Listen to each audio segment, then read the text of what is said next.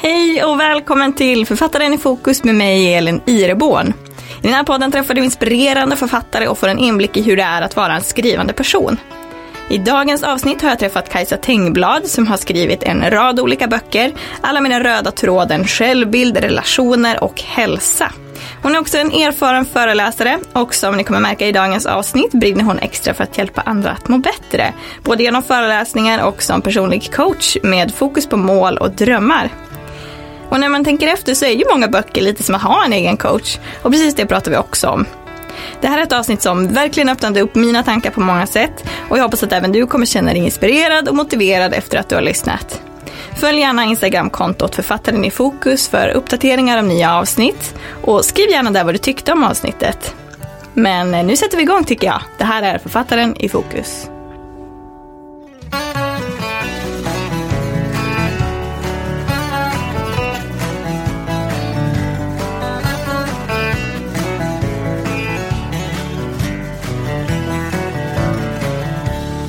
Då säger jag välkommen till dig Kajsa Tengblad. Välkommen hit! Tack så mycket, tackar tackar. Har du haft en bra dag hittills? Den har varit bra tack. Hur har din dag varit? Jo men den har varit bra. Härligt. Ja, typ, typiskt eh, coacher som bara slänger tillbaka frågan, eller Ja, så är det. Du får, du får också vara med idag Elin. Ja. Fem, femte boken, fyllt 50 och nu har du fler böcker än vad du har barn också. Jajamän, stämmer Ja. bra. Fyra barn och fem böcker. Ja. Det hade jag inte tänkt på själv men så är det ju. Så är det. En skiva och andra skivan på gång. Men, men de här eh, böckerna som du har skrivit, har, Mm. har de något genomgående tema? Eller vad?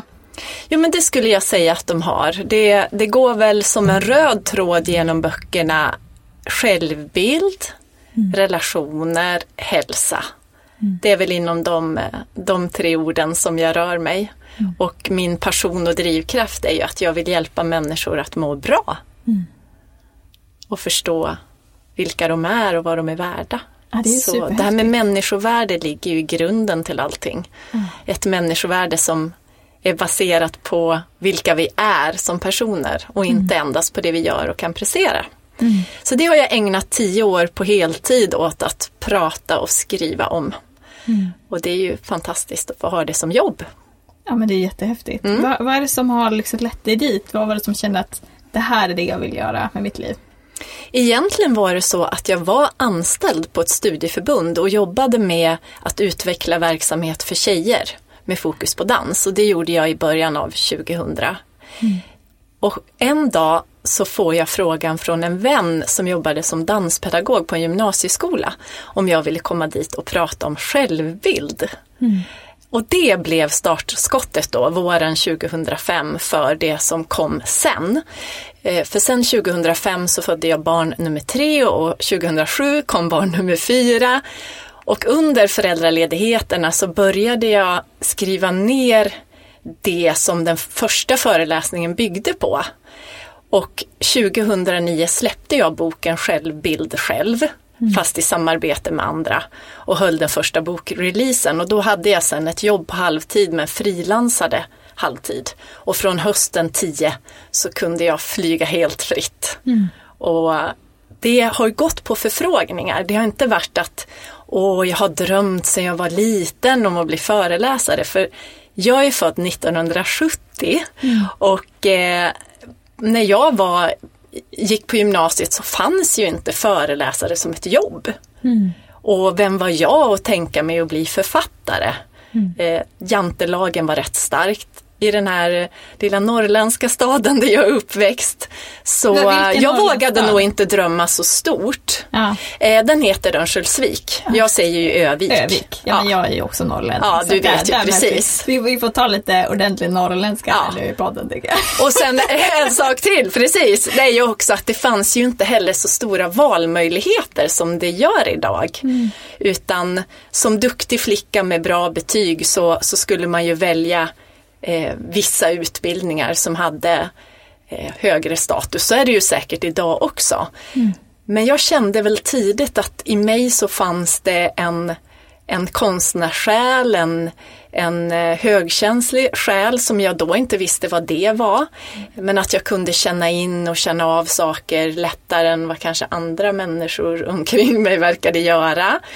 Eh, jag har, varit, jag har nog varit ganska långt ifrån lagom eh, och trivts bra med att med att sitta själv på rummet och precis som vi gör idag, det här med att spela in, så har jag spelat in när jag har suttit och spelat instrument, jag har mm. suttit och spelat in när jag har läst högt och sjungit.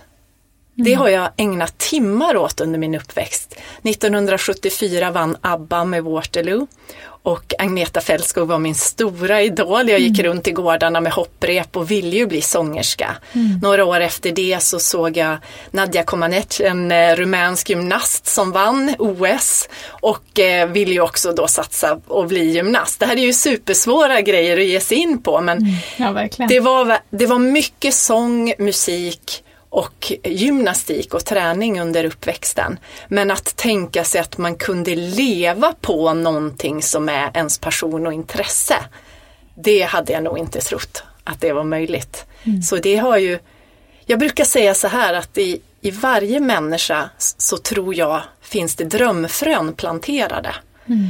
Och i rätt växtzon så kommer de här drömfröna sakta men säkert att växa. Och därför är det så bra att ställa sig frågan vilken växtzon är jag för andra människor? Är jag en gynnsam växtzon? Vad kan jag göra för att se, bekräfta, uppmuntra och hjälpa dem jag har runt omkring mig till att växa och blomma ut? Mm. Och där eh, det fanns väl kanske inte riktigt det stödet eh, när jag växte upp men men sakta men säkert, jag kommer, jag kommer ihåg när jag var i 20-årsåldern och för första gången fick höra du är kreativ. Mm. Och sen hur jag senare fick höra ord som entreprenör och visionär. Och det är också en bild som jag brukar använda. Det sägs att fjärilen, som också då för övrigt är symbolen, loggan i mitt företag, fjärilen är det enda djur med vingar som inte kan se sina egna vingar. Ja.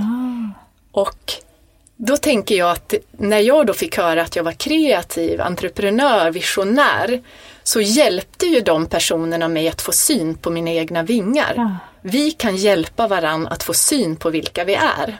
Så det här med att lära känna sig själv och eh, få en mer sann självbild, det är ju ett tillsammansprojekt och en livslång process.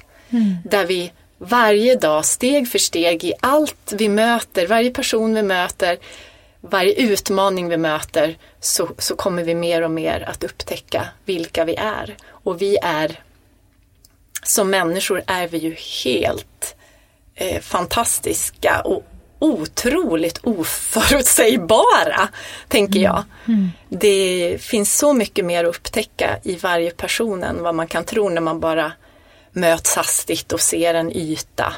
Och det är mm. lätt att vi bedömer varandra efter ett första intryck. Men vad skulle hända om vi, vi vågade ge varann större chanser än så, tänker jag. Wow, wow vad, vad fint. Jag har aldrig tänkt på, ja men den liknelsen med fjärilen var ju jättebra just det att hur, hur vi eh, kan hjälpa varandra att se olika delar av, av oss själva. Ja, för det är ju lite sorgligt när man tänker på att fjärilen då är självblind. Mm. Den kanske fortfarande tror att den är en puppa, så att den inte har ens möjlighet eh, och ja. förmågor att flyga och Fjärilens vingar är väl de vackraste vingarna som finns. Mm. Så varje gång man möter en människa så kan man ju försöka tänka hur, hur kan jag bidra till att den här fjärilen ska få syn på någonting i sig själv och vara generös med uppmuntran och, och så. För jag, jag tror inte att någon i Sverige riskerar att dö av en överdos av uppmuntran om jag ska Nej. vara ärlig. Utan eh, jag, jag tänker att det har blivit bättre. Det är ju en del äldre människor, och nu räknar jag ju mig dit när jag har fyllt 50, som säger att ja, men det var bättre förr. Mm. Men ärligt talat så tror jag inte att allt var bättre förr. Utan det här med bekräftelse, uppmuntran och också att, att våga tro på sig själv och det här med sociala medier och att man man kan bjuda på sig själv och sina förmågor generöst inför andra, det tänker jag är något som det, det är ett steg i rätt riktning. Mm. Att, vi, att, det här som Thomas Tranströmer så fint skriver i dikten Romanska bågar att skäms inte för att du är människa. Mm. Var stolt. Du blir aldrig färdig och det är som det ska. Mm. För om, om vi skulle vänta tills vi känner oss färdiga eller perfekta eller alltid redo att göra och säga någonting. Då tänker jag att många av oss skulle få vänta hela livet. För jag känner inte alltid heller för saker. Men jag gör det ändå. Mm. Och då är det ju så lyxigt att ha ett jobb där jag får hela tiden påminna mig om sånt som jag behöver höra genom det jag har skrivit och det jag eh, har som jobb att förmedla till andra. Mm. Det är ju mm. inte det att jag tror att här är jag som expert och nu är det ni som ska lära er hur man ska leva och jag är liksom klar med det här. Mm. Utan snarare tvärtom, utan det är ju vi. Ja. Vi är hela tiden så här, vad god dröj, omformning sker, vad god dröj, omformning sker, vad god dröj, omformning sker. Alltså, hela livet är ju, varje dag är ju en ny möjlighet att ja. lära.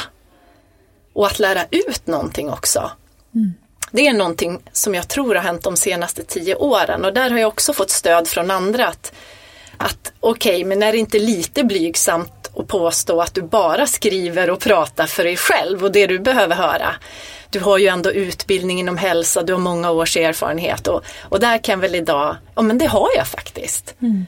Jag har tagit mig igenom eh, flera tuffa utmanande perioder i livet och jag tyckte det var så fint, jag hamnade framför Skavlan där en ung norsk eh, sångerska artist blev intervjuad hon var i 25-årsåldern. Mm och berättade öppet om sin psykiska ohälsa och det tänker jag det är också något som har blivit bättre idag, att mm, vi, att vi kan göra det. Ja. Och då sa hon så här att hennes psykolog hade sagt till henne att om du nu vet någonting som du önskar att du visste tidigare mm. så är det din uppgift att ge det vidare. Och det var något som tog tag i mig. Mm. Aha! Det kan ju vara så att jag idag som 50-åring vet något nu som jag önskar att jag visste, kanske när jag gick på gymnasiet, för jag möter gymnasieelever en hel del. Och att ställa mig där med den tillförsikten och tron att ja, men jag har faktiskt någonting att ge vidare. Mm. Inte bara för att jag själv behöver höra det, utan för att det, det är många här framför mig nu som behöver höra det här. Mm. Och som har då möjligheten att höra det långt tidigare än vad jag själv fick. Mm. Så Precis. det känns häftigt. Jag har ju också fyra egna barn ja. och vi har jobbat som både jourfamilj och familjehem. Så det här med tonåringar är ju någonting, jag, jag är verkligen inte eh, på något sätt expert på tonåringar. Men jag eh, har en erfarenhet, en lång erfarenhet av att möta och arbeta med tonåringar på olika sätt. Så mm. det är där jag har mitt hjärta mycket. Mm. Ja, precis. Och det här... Inte för att jag inte gillar att prata för vuxna men, men det, det är en utmaning att möta tonåringar i aulor i stora grupper. Ja. Och det är väldigt häftigt att få vara där i min ålder. Mm. Ja, men jag hör ju det, du har ju väldigt mycket ja, men alla de här liksom, tankarna och insikterna och sakerna som, som du förmedlar och det gör ju du på ett så så himla inspirerande och bra sätt. Tack. Genom eh, ja, föreläsningar, böcker, visst har du någon typ av samtal? Ja precis, jag är också utbildad coach. Mm. Så att jag har enskilda samtal och ibland har det varit i grupp och det har varit på något företag och sådär. Det måste vara jättehäftigt att se just se så direkt. Mm. Att kunna sitta one-on-one med en person och, ja. och se den utvecklas och få nya tankar. Ja men det är jättehäftigt och jag gillar just coaching för att det handlar inte om, om historien, utan det är, det är nuläge och framåt. Mm. Att sätta fokus på vad drömmer du om, vad längtar du efter? Och sen fråga in på vad finns det för, vad har du för resurser? Mm. I dig själv och i ditt sociala nätverk, i utbildning och så, och så frågar man in och sen kan det finnas några hinder för att nå det här målet? Mm. Och sen vad blir första steget? Och det här jag nästan gillar mest tror jag med coaching, det är att det är så, ja men okej, det är lätt att hålla på och drömma. Mm. Men, men vad blir första steget? Om du till exempel vill må bättre, ja. vad är första steget då? Om du, du kanske vill komma igång med motion. Mm. Och, och jag glömmer aldrig den klienten som sa, ja, men, jag frågade då, men ja, men hur ofta motionerar du? Ja, men jag tänker att jag springer ungefär tre gånger i veckan. Och jag hörde ju direkt, alltså coacher är som finnar i röven på folk. Okej, okay, du tänker att du springer tre gånger, tre gånger, men ärligt talat, hur många gånger blir det? Och då märkte man att det blev lite obekvämt och så bara, ja det kanske blir en gång i veckan. Så. Ja. och det är ju det här, men okej, okay, men vad skulle hända? Det är ju en favoritfråga, men vad skulle hända om du verkligen tog och sprang då det du tänker att du springer. Ja. Varannan dag kanske, tre gånger i veckan. Och det här behöver ju inte vara några långa sträckor utan det är det här att bryta ner till mindre steg och till delmål. För jag mm. tror ärligt talat att många av oss lägger ribban för högt med resultat att vi upplever besvikelse och frustration på mm. oss själva. Mm. Vi köper det där gymkortet och går ut hårt efter nyår ja. och sen så bara faller det. Istället för att tänka mer, okej, okay, men vad är ett realistiskt steg för mig? Mm. Så, äh, det är ju väldigt enkelt när du säger det så. Och sen är det ju svårare att genomföra. Ja, men det fina är ju att då har man ju coachen med sig som sen nästa gång frågar vidare. Ja. Okej, hur gick det med det här nu ja. då med tre gånger i veckan? Ja. Så det är ju lite grann som att ha ha den där eh, jobbiga inom citationstecken då, läraren som, som är på en och som finns med där och går med i den här processen. Mm. För det är ju en sak att prata om det och det är en annan sak att genomföra det. Verkligen. Jag tänker på, eh, vi ska prata lite om din senaste bok som heter Kroppsnöjd och själstark. Ja! Och, och, för att göra en lite smidig övergång där från coachspåret så, så blir det ju lite som att ha en coach fast i boken. Mm. Så att du coachar hundratals läsare samtidigt kan mm. man nästan säga. Ja, precis. Och det, det, är ju bra att du, du har upptäckt eh, just tanken med, med böckerna som, som också då egentligen kom till just på det sättet att, att människor kunde fråga efter en föreläsning, finns det här du har pratat om eh, i skrift? Finns det mm. i bokform? Och det var ju där det tog fart också, men just det, jag kan ju kombinera föreläsningarna, för det började med föreläsningar och sen kom böckerna. Mm. Eh, den ena, den andra, den tredje, den fjärde, den femte ja. och det är otroligt häftigt. Ja. Eh, och när vi nu pratar om, om mål och eh, delmål så, så tänker jag även där att det är häftigt. Jag har haft eh, eh fyra, tror jag nu, skrivkurser, skrivarretriter. Och det här med att man kommer med någon förväntan om att jag vill skriva en bok. Men tänka det här att, ja men tänk ett ord, en mening, mm. ett stycke, ett kapitel det kan bli att man sätter ett sånt högt mål och det viktiga är ju egentligen börja skriv. Mm. Ta en liten stund varje dag. För så kom min bok Fem minuters paus till. Nu, nu kommer vi bort från kroppsnöjd och själstark. Ja, Men du får avbryta. Men hur som helst, eh, kropp, eh, just Fem minuters paus är så speciell för mig för den kom till som ett kreativt projekt och utmaning till mig själv inför ett nytt år. Mm. Att ja, men nu ska jag ta en stund utifrån min, min dagliga bibelläsning och så ska jag reflektera över vad jag har läst och sen skriva om det. Mm. Och så får vi se vad det blir. Och det blev ju sen den första boken som ett förlag gav ut och som ja. jag får jag ska inte överdriva, jag ska inte säga varje dag men jag kan säga att varje vecka får jag positiv feedback på den här boken. Wow. Och det är så häftigt. Något som jag tänkte, det här skriver jag för mig själv. Och jag vill också säga till dig som lyssnar och, och drömmer att de här dagarna när det minst känns eh, att man vill skriva. Mm. Du är helt utan inspiration och det är kanske då det kan bli som bäst, när man får brottas lite mm. och, och göra det i alla fall. Jag som en känslobegåvad människa eh, kan ju behöva just utmanas i att, men okej, okay, nu lägger vi lite känslorna här åt sidan och så kör vi i alla fall. För ja. du har ju faktiskt sagt till dig själv att det ska du göra. Mm. Sen Precis. ska man ju inte eh, göra det när det gäller träning. Eh, det för, hoppas jag att eh, ni förstår att det är en annan sak. Att man kan inte, om du har lovat att du ska springa tre gånger i veckan och bli sjuk. Men, men just mm. skriva är ju faktiskt något vi gör varje dag utan att vi ens tänker på det, tänker jag. Mm.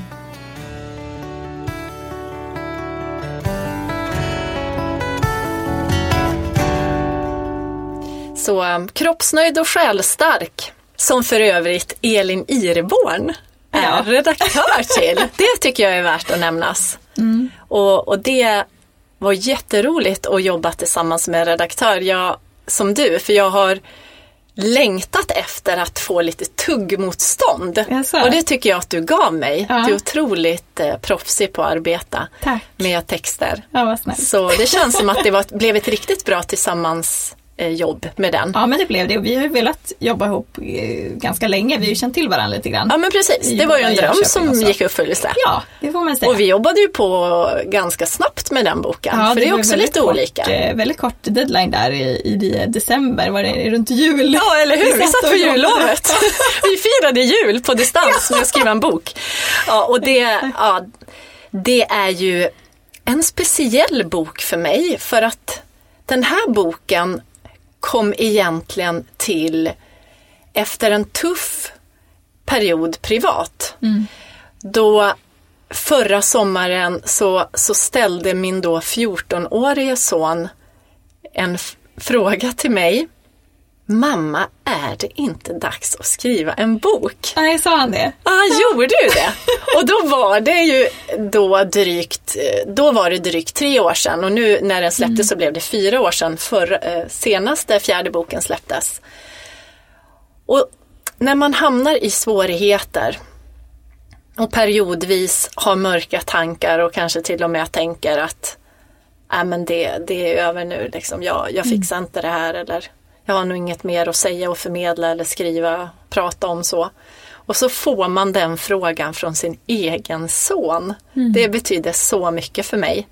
Han tyckte att du hade mer att Han, berätta? han tyckte det och att det var på tiden lite. Så att det, det ledde till att jag skrev ner tillsammans med en bild som min son Matteus hade tagit på mig så publicerade jag på sociala medier då tio punkter till att bli mer kroppsnöjd.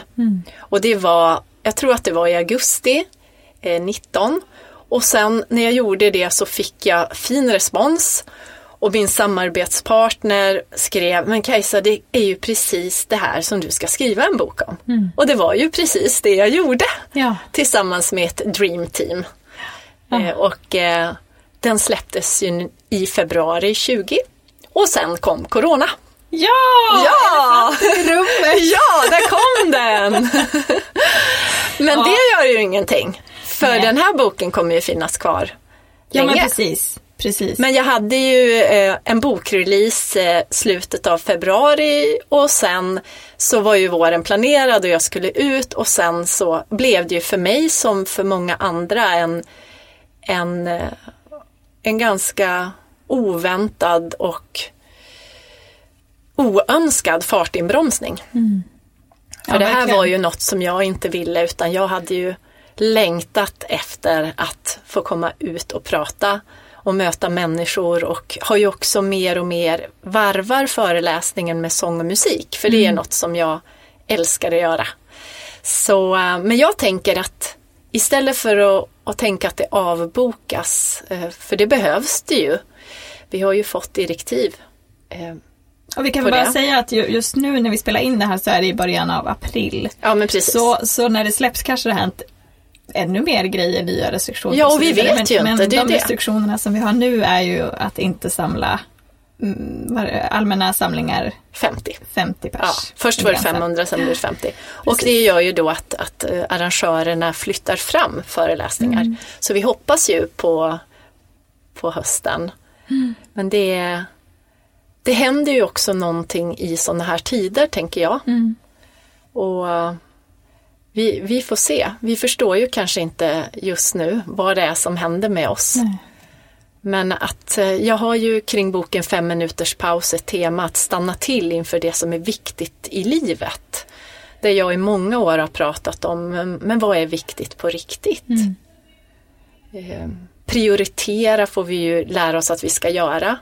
Men hur kan vi prioritera om vi inte vet vad vi värderar? Vi behöver först stanna till och fråga vad är viktigt? Vad är värdefullt för mig i livet? För hur ska jag annars kunna välja? Eh, När man skickar brev utomlands så finns det blå lappar där det står prioritär. Och det betyder ju, men välj det här brevet före de andra. Och det är det prioritering betyder. Att välja något före något annat. Det handlar ju också om, ja men vad, vad är det då jag väljer? Mm. Vad är det viktiga när det finns ett sånt otroligt utbud? Mm. Att välja mellan. Så, um, Precis, jag tror, ja, jag tror generellt att vi är ganska duktiga i Sverige på att vilja ha allt. ja, Alltså vi vill inte prioritera bort. för vi är värda det. Vi, ja, och man ser mycket som en rättighet. Mm, Och, och, och, och man liksom, ja ah, men den har det, då vill jag också ha det. mm, Men tänker inte så mycket på kanske vad, vad det kostar i form av tid, energi, annat. Mm. Ehm, så där tror jag också att det är en jättebra wake-up call mm. för många i såna här tider att eh, ja, som du säger, titta på vad, vad är det som är viktigt nu. Mm. Men jag, jag har inspirerats mycket av det Napoleon sa och det är ju att en ledare är en förmedlare av hopp.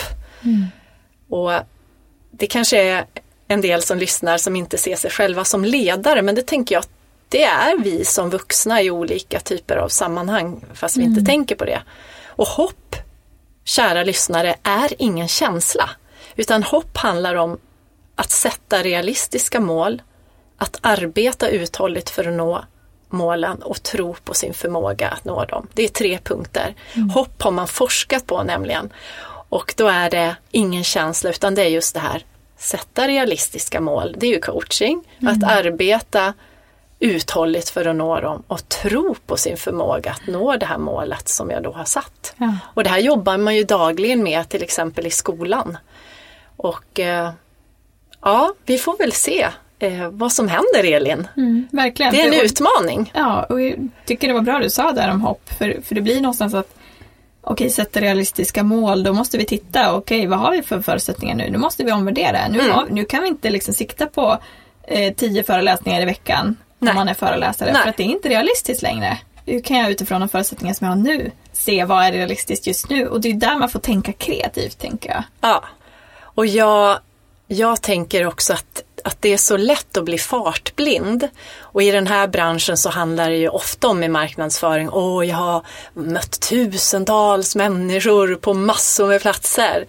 Och jag tänker men, men eh, varje dag så har jag människor på samma plats inom en armlängds avstånd. Hur möter jag dem? Ja. Det är ju den stora utmaningen nu. Jag vet att det är många frustrerade människor, föräldrar som har sina barn hemma som behöver plugga hemifrån, kanske själv sitter i en osäker situation. Men, men det är ju någonstans det som vi har närmast som är, tycker jag, viktigast. För allting kan, alltså det, det är så, det kan ju förändras så snabbt. Det vet jag nu och det har jag nog anat en längre tid. Och det var som en annan föreläsare sa som jag precis mötte att jo, men vi är ju vid liv. Vi lever. Det säger jag varje gång på föreläsningar att tänk att vi är här. Jag står här, ni sitter livslevande. Det är ingen självklarhet. Det är jättemånga människor som inte lever, Ja. eh, som är på väg att dö, som inte vill leva. Så, så att vilja leva och att ha hoppet i tuffa tider, det är fantastiskt och det är ingen självklarhet. Jag ska säga att jag inte är en person som vaknar varje dag och tycker att det känns fantastiskt. Men jag hörde en annan författare, eh, Thomas Sjödin, säga att någon gång att han är stämd i en ljus tonart. Ja. Och jag tror att jag är det också. Min grundstämning som person är ljus. Och då, då blir det ju lättare. Eh, men eh, det är ju också det här med, med den här känslobegåvningen att alla mina känslor förstärks. Så när jag är, glad så är jag riktigt glad. Och när jag är arg då är jag riktigt arg. När jag är ledsen så är jag jätteledsen. Ja. Det, det är inte så mycket mellan, eh, lagom mellanmjölk för mig utan det är antingen eller läge. Och det är utmanande när, när livet eh, nu då är, är riktigt utmanande. Men eh, jag tänker att kan man inte själv känna hopp så kan vi vara varandras hopp och vi kan vara ställföreträdande, vikarierande hopp för någon annan. Ja. För jag kanske kan hoppas åt dig och du kan få hoppas åt mig när jag själv har svårt att se att det kommer att vända, det kommer bli bättre. Jag tror på dig Kajsa, det här klarar du, du har massor med resurser. Det är svårt att säga till mig själv men jag kan säga till dig Elin, hon klarar sig. Hon klarar sig alltid. Hon, hon har ju massor med resurser. Ja. Är du med? ja. Och du Så- klarar dig alltid. Så på samma sätt som det finns kryckor för brutna ben så finns det ju också kryckor när själen gör ont och vi kämpar.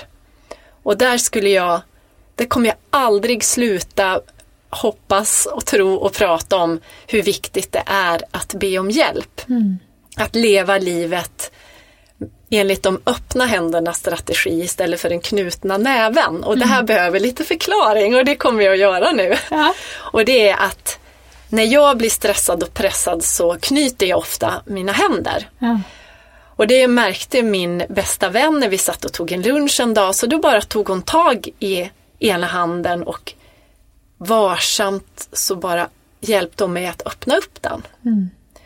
Och när jag berättade det på en föreläsning så var det en man som kom fram och sa, det finns ett ordspråk för det här. Ur en knuten näve kommer inget i och inget ur. Ja. Ja, tänkte jag. Och sen började jag, just det, det finns ju två olika sätt att leva. Antingen så knyter vi nävarna, kan själv, ensam är stark, man är sin egen lyckas med.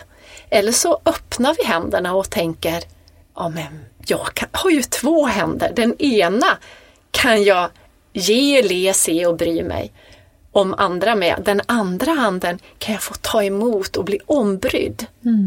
Någon har skrivit att det första steget till att bli en älskande människa, det är att inse sitt behov av hjälp, att be om hjälpen och att våga ta emot den. Och det är otroligt fint men jättesvårt för mig som är så van vid att klara mig själv. Och jag har ett eget företag som jag driver själv. Men vid närmare eftertanke så har jag ju många människor i mitt nätverk som jag behöver nu. Och det är de som lever närmast som, som känner en bäst. Och en av mina vänner sa till mig, Kajsa, du är så bra på att vara behövd, men nu behöver du. Och det blev en riktig tankeställare. Så jag tänker att nu i 50 års ålder så är jag bättre på att inse att jag behöver hjälp och att våga be om den och ta emot den. Och då har jag ju faktiskt möjlighet att bli en älskande människa som den här författaren Bengt Olsson då har sagt att det är första steget, det är det här med hjälpen. Men det är inte sagt att du inte ska göra någonting själv utan det är ju balansen, att man har två händer, en för att ge och en för att ta emot för annars hamnar vi i obalans och obalans är ohälsa.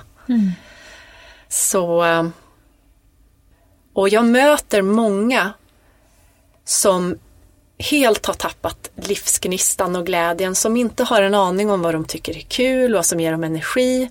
Och är du en av dem så, så skulle jag vilja säga att fundera på hur det såg ut när du var liten. Vad tyckte du var kul då? Du kanske har tappat någonting längs livsresan. Du kanske tyckte det var kul att sjunga eller måla eller en, en kvinna skrev sen när hon hörde mig säga det här att tack för att du påminde mig om det här med vad jag tyckte var kul när jag var liten. Jag älskade hästar och nu har jag börjat ta ridlektioner Ja. igen. Och då blir man så här, men wow! Ja. Tänk att jag får vara med och påminna någon om något som, det låter ju så självklart. Ja.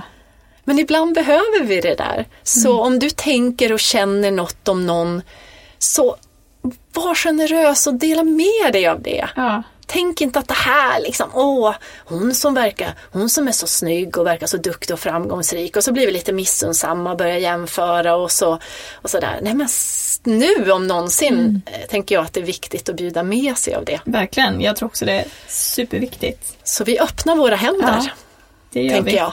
Och det är just den där balansen liksom mellan, mellan det mentala och det fysiska. Mm. Och det har du också poängterat i, i den här senaste boken och delat upp i, i två delar, kroppsnöjd och själstark. Varför Precis. har du gjort den eh, uppdelningen? Jag tänker egentligen att jag är emot uppdelning av kropp och själ. För att jag har ju en holistisk helhetssyn på hälsa.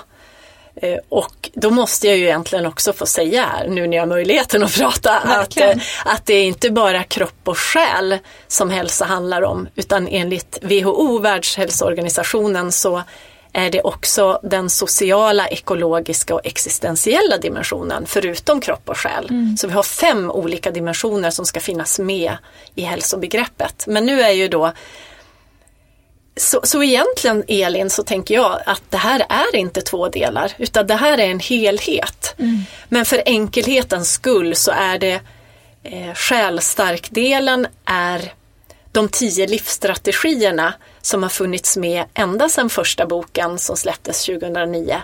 Mm. Som handlar mer om eh, själen och, och den mentala biten. Medan kroppsdelen mm. handlar mer om, egentligen så handlar det ju mycket om att genomskåda de skeva idealen och få syn på sig själv som den man är, mm. tänker jag. För alla bilder och budskap som vi dagligen möter påverkar oss på olika sätt. Och här har det ju förändrats mycket sedan jag var ung och de som är unga idag. Hur, eh, det sägs att vi dagligen möter ungefär 20 000 bilder och budskap. Och det är ju inte alla av dem som har som syfte att få oss att gilla oss själva. Utan det finns eh, starka kommersiella krafter som, eh, som trivs och frodas av att vi är missnöjda med oss själva och vi tror att vi kan köpa oss lyckan på olika sätt. Mm. Och därför tänker jag just med tal om, om Corona att det är också en tid där vi tvingas fundera på än en gång nu då, ja men okej, vad är det som är viktigt på riktigt? Mm. Eh, när jag ska beskriva vad jag uppskattar hos en vän, är det hur den här vännen ser ut eller är det personliga egenskaper? Mm. Vilka personer finns där för mig på riktigt nu när det är tufft och utmanande?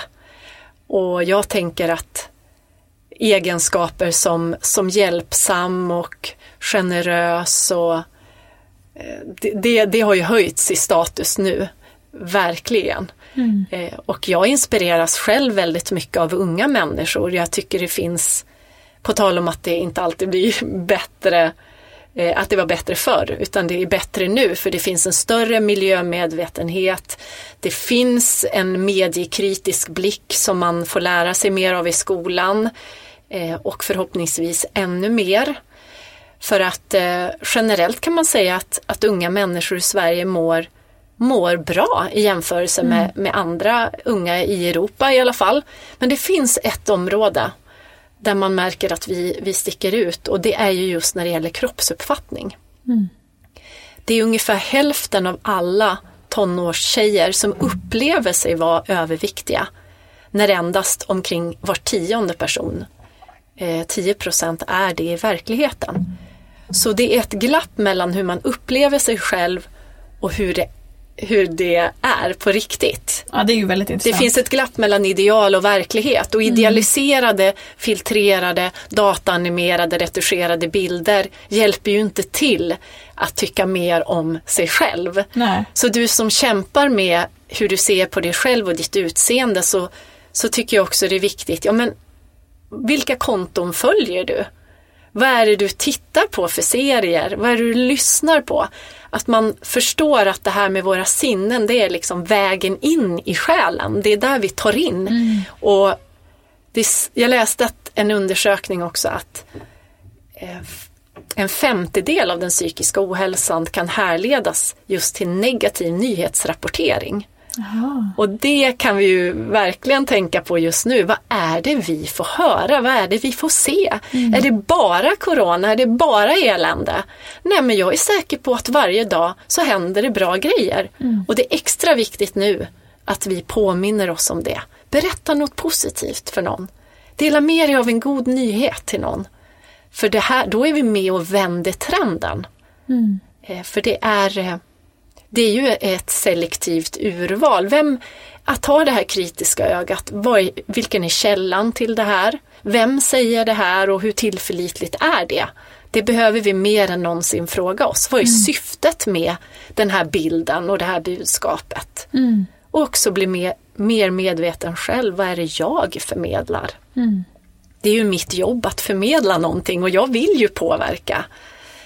Och, och då är det ju viktigt att, fundera på vad det är man sprider omkring sig. För vi smittas av varann. Inte bara av virus, vi smittas av varandra, varandras känslor Ja. som påverkar hur vi tänker.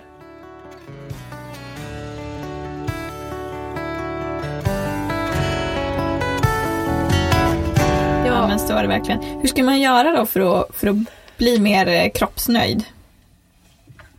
Jag tänker att här finns det ingen snabb fix. Det gör inte det. Utan det tar tid, speciellt om man under många år kanske har fått höra negativa kommentarer om sig själv. Tyvärr så är det ju, det är ju lätt när vi blir anonyma att vara ännu elakare.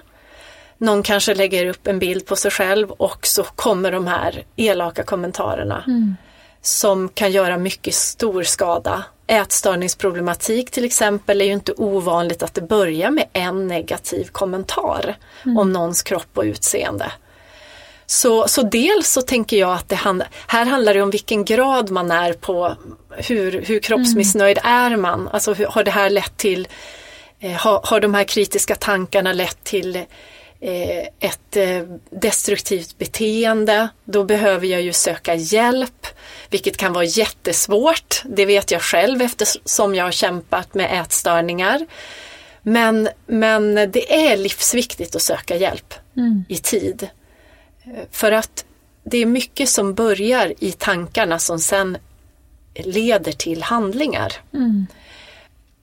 Men att mata sig själv med goda nyheter, att umge sig med människor som, som eh, man mår bra tillsammans med. Att kanske som tjejgäng, nu är ju jag kvinna så det ligger närmast till hands, bestämma sig för att vi ska inte prata om vikt och kroppar och utseende. Utan när vi träffas så pratar vi om annat. Ja. För det här påverkar också. Ja men precis, och jag, jag tänker också som du säger att visst, det är klart att det är jobbigt att få liksom, negativa kommentarer Ja. om sitt utseende. Men kan det vara också skadligt att man att man får positiva kommentarer om sitt utseende. Förstår du vad jag menar då? Ja. Att du bara matas med att det är Ja. liksom det du är värd. Precis, att du är ditt utseende, du är det du, hur du ser ut. Och då känner man ju press på att men om jag inte lever upp till det Ja. och, och de där kommentararna uteblir. Just det. det. Inga negativa kommentarer men de positiva uteblir. Ja. Att då mår jag dåligt. Ja men precis, jag hörde faktiskt från en mamma som berättade hur hennes tonårsdotter dagligen la ut en bild på sig själv. Och så jämförde hon hur många likes och kommentarer hon fick varje dag. Och det, då blev ju det på något sätt något som någon annan bestämde vad hon var värd. Och, och där är det ju så att varje människa, det här säger ju FNs deklaration om mänskliga rättigheterna, att alla människor är födda fria och lika i värde. Vi är mer än våra kroppar, utseenden, ålder, kön, sexuell läggning, religion, prestation. En människa är så otroligt mycket värd. Och det skulle jag vilja säga till någon som kämpar med, med det här med kroppen och utseendet att men fundera på det.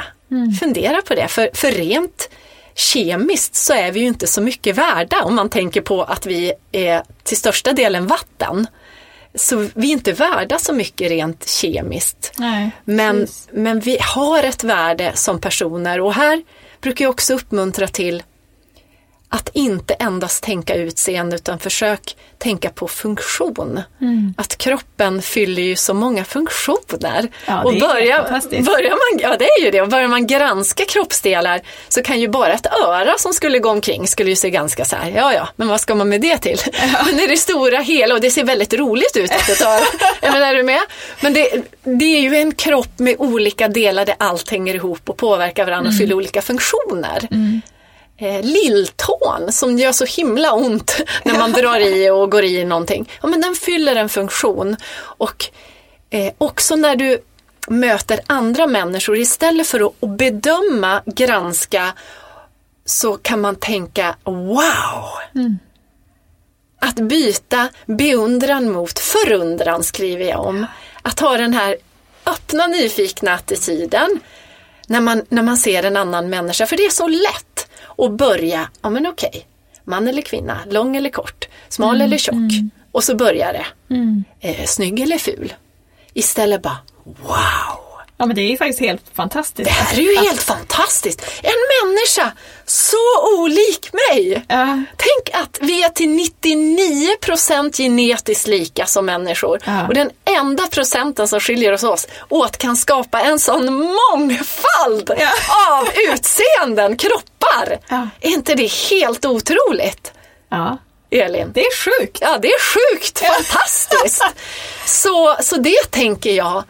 Och, och det är ju inte alltid kanske som det här som vi har som ideal, det snygga, det vältränade, är så hälsosamt heller. Här Nej. tänker jag också att vi behöver ha en, en eh, kritisk eh, också va- vara med och fundera på, men vad är det som ligger bakom det här?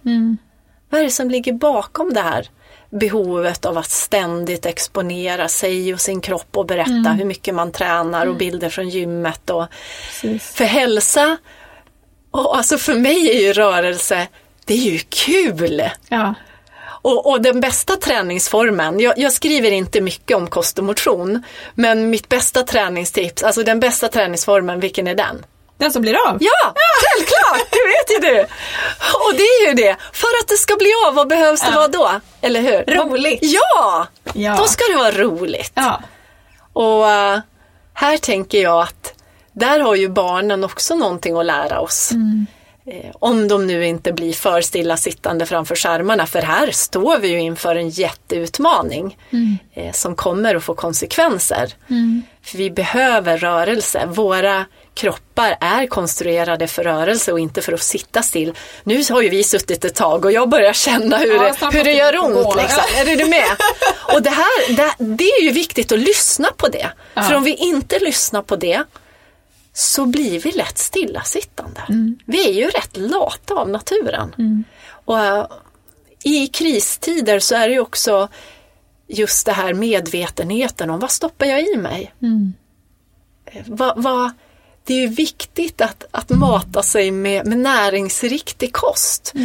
Det är också viktigt att fundera på om det jag ser, hör och läser påverkar mig positivt. Eller om det drar ner mig och får mig tycka mindre om mig själv. Sen kanske det här är en tuff utmaning men jag tänker att, att jag får vara lite tuff. Eller hur? Jag är 50 år nu och jag har jobbat med det här i 10 år på heltid. ja, men du har pondus. Ja, nu har jag pondus och nu får jag säga så här att om du befinner dig i en destruktiv relation tillsammans med någon som får dig att tycka mindre om dig själv, då ska du ta det på allvar. Söka hjälp och prata med någon. För det är ingen som ska få stjäla din glädje och eh, människovärdighet ifrån dig. Det är jätteviktigt att söka hjälp. Jag möter så många människor som, som sitter fast i, i destruktiva relationer. Och eh, det är svårt kanske att veta att den är det eftersom man ofta bryts ner psykiskt. Och det inte, ibland leder det till fysisk misshandel, inte alltid. Men var vaksam om du, om du är i en relation där du börjar tycka mindre om dig själv, där din självkänsla och glädje håller på att tas ifrån dig. Det tror jag är viktigt. Och det där är ju så spännande. Alltså jag älskar att prata om relationer. Det Ja! är ett helt avsnitt om relationer. Ja, Kajsa. det absolut viktigaste och svåraste i livet. Ja. Eller hur? Och det kan bli så fel och det kan bli så fantastiskt. Ja. Alltså jag brukar säga det, min, jag har ju lyckligtvis gift mig med en man som är otroligt, otroligt eh, generös med allt vad liksom omtanke och, och, och kärlek innebär. Härligt. Han, han är den som alltid liksom peppar mig, lyfter mig, aldrig något negativt, ingen Mm. skuld, jag hjälper och vi har blivit sådär att vi nästan såhär, nej men jag tar disken, nej men jag tar disken. I- Bara för att vi vill det, för att vi vill att den andra ska ha det bra. fantastiskt Och jag bra. märker på att det gör ju underverk för självkänslan. Det gör ju det. Ja. Och jag säger grattis att du har upptäckt det. Och tänk vad viktigt det är då att, att göra de här valen som är bra.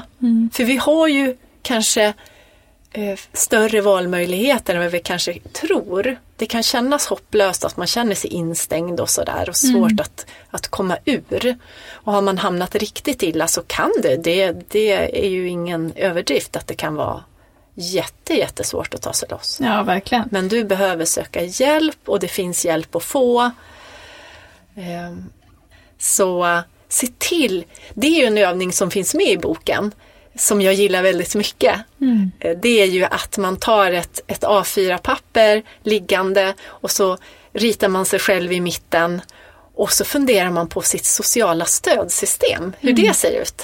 Vad man har för personer. Du skulle ju då säkert rita in din man där och sen är jag säker på att det finns andra Ja. som man kanske inte ens har tänkt på.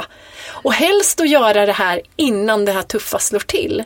Så att man har det här, ja men jag kan ju kontakta den och den och den och kanske på olika områden. Mm, och vårda de Och relationerna vårda också. det. Mm. För Så att man har det när, när krisen kommer. Ja, men det här är ju det är en utmaning i världens mest individualistiska land, Sverige. Men, men nu har vi ju chansen, eller hur? Nu tror jag att uppvaknandet sker för hur viktiga vi är för varann. Ja, precis. Nu Att tillsammans är det nya själv. Också. Ja. Ja. Som eh, en av mina böcker heter. ja, tillsammans är det nya Som jag fick några beställningar på igår by the way. Ja, det är väldigt roligt Ja. att det trillar in i dessa tider. Ja, eh, men det är ju mer aktuellt än någonsin tänker jag. Ja, men det tänker jag allt med. det där som du, som du har sagt nu och som är liksom kärnan i din, Mm. i din som, som inspiratör. Får man säga. Tack Elin. Mm. Det betyder mycket att höra det nu. Ja, ja men det, det är du verkligen. Jag, jag har blivit jätteinspirerad bara av det här Ja, men jag blir samtalet. jätteinspirerad att- Det vara här och möta dig. härligt. Har du något, eh, något sista som du skulle vilja, vilja förmedla till, eh, till lyssnaren eller något som du vill lätta ditt hjärta med? Jag skulle faktiskt vilja läsa en dikt, Ja, om jag får. Jättebra Från idé. eh, den nya boken Kroppsnöjd och själstark. ja. Ge inte upp din dröm. Låt den bära dig framåt. Stäng inte in din längtansfågel i en bur utan öppning. Låt ingen stjäla din frihet, glädje och kreativitet. Låt ingen stympa eller krympa dig. Sök dig till platser där det är högt i tak och lätt att andas. Omge dig med människor som vill dig väl, som ser det vackra i dig och som kan stötta och uppmuntra dig till att bli allt det du kan vara. Låt ingen eller ingenting i din historia hindra dig från att leva nu. Släpp det som oroar och tynger och gå framåt med lättare steg. Inspireras av de som gått före, av människor som vågat följa sin längtan. Låt deras mod få vara din vägvisare. Var beredd att betala priset i form av människors avundsjuka och missundsamhet. En fri, glad och kreativ människa väcker känslor och påminner andra om deras förkrympta liv.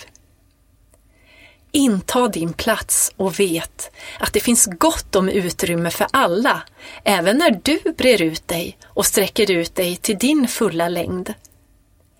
När du blir den du ska vara kommer andra att vilja vara det de är, utan jämförelse, bedömning eller krav på prestation. I tuffa tider, när din dröm känns avlägsen, omöjlig och svår att nå, Kom ihåg att den viktigaste drömmen redan är verklighet.